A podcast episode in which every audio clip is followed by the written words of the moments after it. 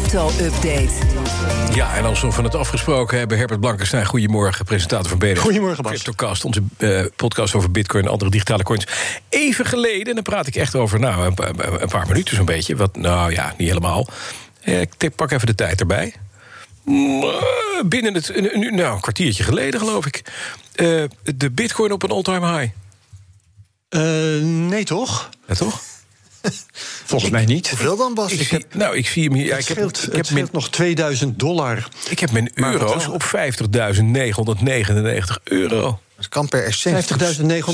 Het Ja. all-time high dat ik heb eh, gezien op CoinGecko op 14 of 13 maart zo te zien, Ja? was 51.533. Ja, dan zitten we inderdaad gewoon verkeerd. Want dat, eh, dat klopt, dat zag ik ook. Ja, dat zag ik 13 maart. Ja. Ergens 's avonds was Nou. een all-time high. Maar nee, we komen dicht in de buurt, hoor.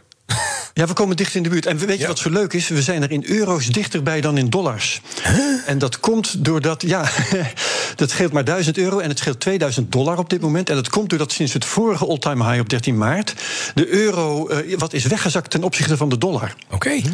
Dus eh, sinds eh, die tijd passen er wat meer euro's in een dollar. En eh, heb je dus eh, op dit moment bijna een all-time high in euro's, terwijl het in dollars nog ietsje langer gaat duren. Ja, precies. Nou, toch, bij, Tesla kun je sinds kort je auto betalen eh, in bitcoins. Als je tenminste een Ja. Tesla wil en in Amerika woont.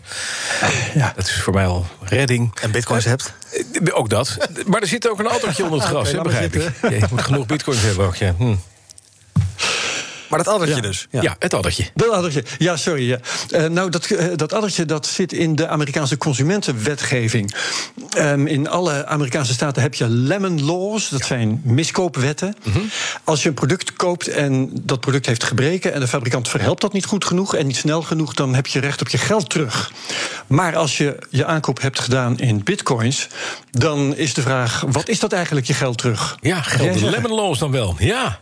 Ja, nou, die gelden wel. Ja, oké, maar, maar, maar ehm, krijg je dan bitcoins of dollars terug? Dat is de grote vraag natuurlijk. Precies. En Ja. daar stond een document over op de website van Tesla. De voorwaarden bij een aankoop met eh, bitcoin. Bitcoins of dollars, nou daar is voor allebei iets te zeggen natuurlijk. Dollars terug, dat zou redelijk zijn, want de prijs in bitcoin is berekend op grond van die dollarprijs. En de hele omge- economische omgeving van Tesla, die denkt in dollars, rekent in dollars. Maar aan de andere kant, bitcoins terug is ook redelijk. Want als de klant zijn bitcoins niet had uitgegeven aan zijn Tesla, had hij ze waarschijnlijk gehouden. En Tesla heeft zelf gezegd dat ze de bitcoins die ze krijgen ook gaan houden. Dus dan kun je, kunnen ze net zo goed die bitcoins weer teruggeven. Juist. Eh, eh, eh, Waar had Tesla nou voor gekozen precies? Nou, Tesla had ervoor gekozen om niet te kiezen. Oh, dat is handig. ja, ja. heel dapper. Ja. En Yahoo Finance heeft daarover gepubliceerd. was heel interessant. Tesla had in de voorwaarden gezet.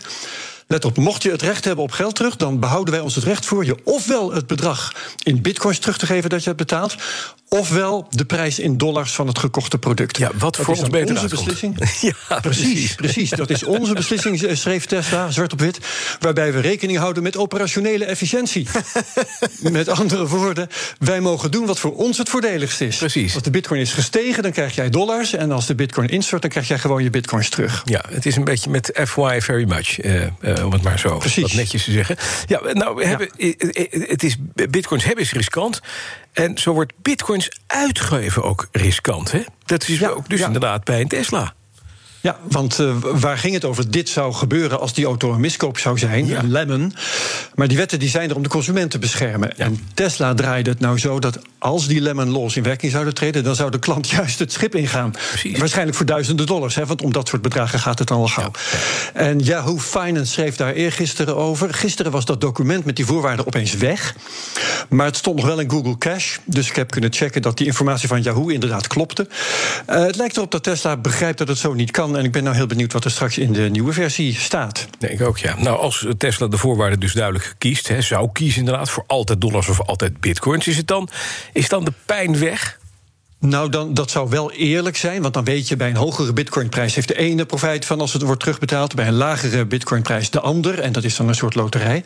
Maar Tesla kan eigenlijk niet kiezen voor terugbetalen in bitcoin. Want stel, iemand heeft zijn Tesla van 50.000 dollar of zoiets gekocht met bitcoin en de prijs van bitcoin stijgt, die vertienvoudigt. Dan heb je misschien wel spijt, maar niet zoals bedoeld in de consumentenwet. En ehm, dan worden technische problemen met je Tesla opeens heel aantrekkelijk. De lak is slecht, Ja, de precies. accu uh, Hij doet het niet meer lekker. de Ja. autopilot slaat op hol. zijn allemaal dingen die ook echt wel gebeuren. Ja. Dus ik denk dat Tesla niet die kant op wil... en dat ze voor de dollarwaarde zullen kiezen. Maar ja, dat is dan wel een zwaktebod. Want dan erkennen ze dat de wereld eigenlijk nog niet klaar is... voor echt betalen in bitcoin. Ja, ze hebben er nog niet helemaal over nagedacht, zo lijkt het. Wat zit er in de CryptoCast morgen, Herbert? Wij hebben het over bitcoin en belasting. We hebben een fiscaal jurist in de studio. Uh, we gaan alle fiscale problemen bespreken die je als cryptobezitter kunt krijgen. Vermogensbelasting, plotselinge stijging van je vermogen. Je hoopt dat het niet gebeurt, maar je weet maar nooit. Schenkingen, bitcoin op de balans van je bedrijf. Wat voor vragen kan de fiscus stellen? Moet je die altijd beantwoorden? En hoe moet het dan? Um, je kunt uh, trouwens ook je vragen nog aan ons stellen via CryptoCastNL op Twitter. Dankjewel, Herbert Blankenstein. Alle afleveringen van de CryptoCast te beluisteren via de BNR-app, bnr.nl of je favoriete podcast-app. De crypto-update wordt mede mogelijk gemaakt door Amdax. Het handelshuis voor de serieuze crypto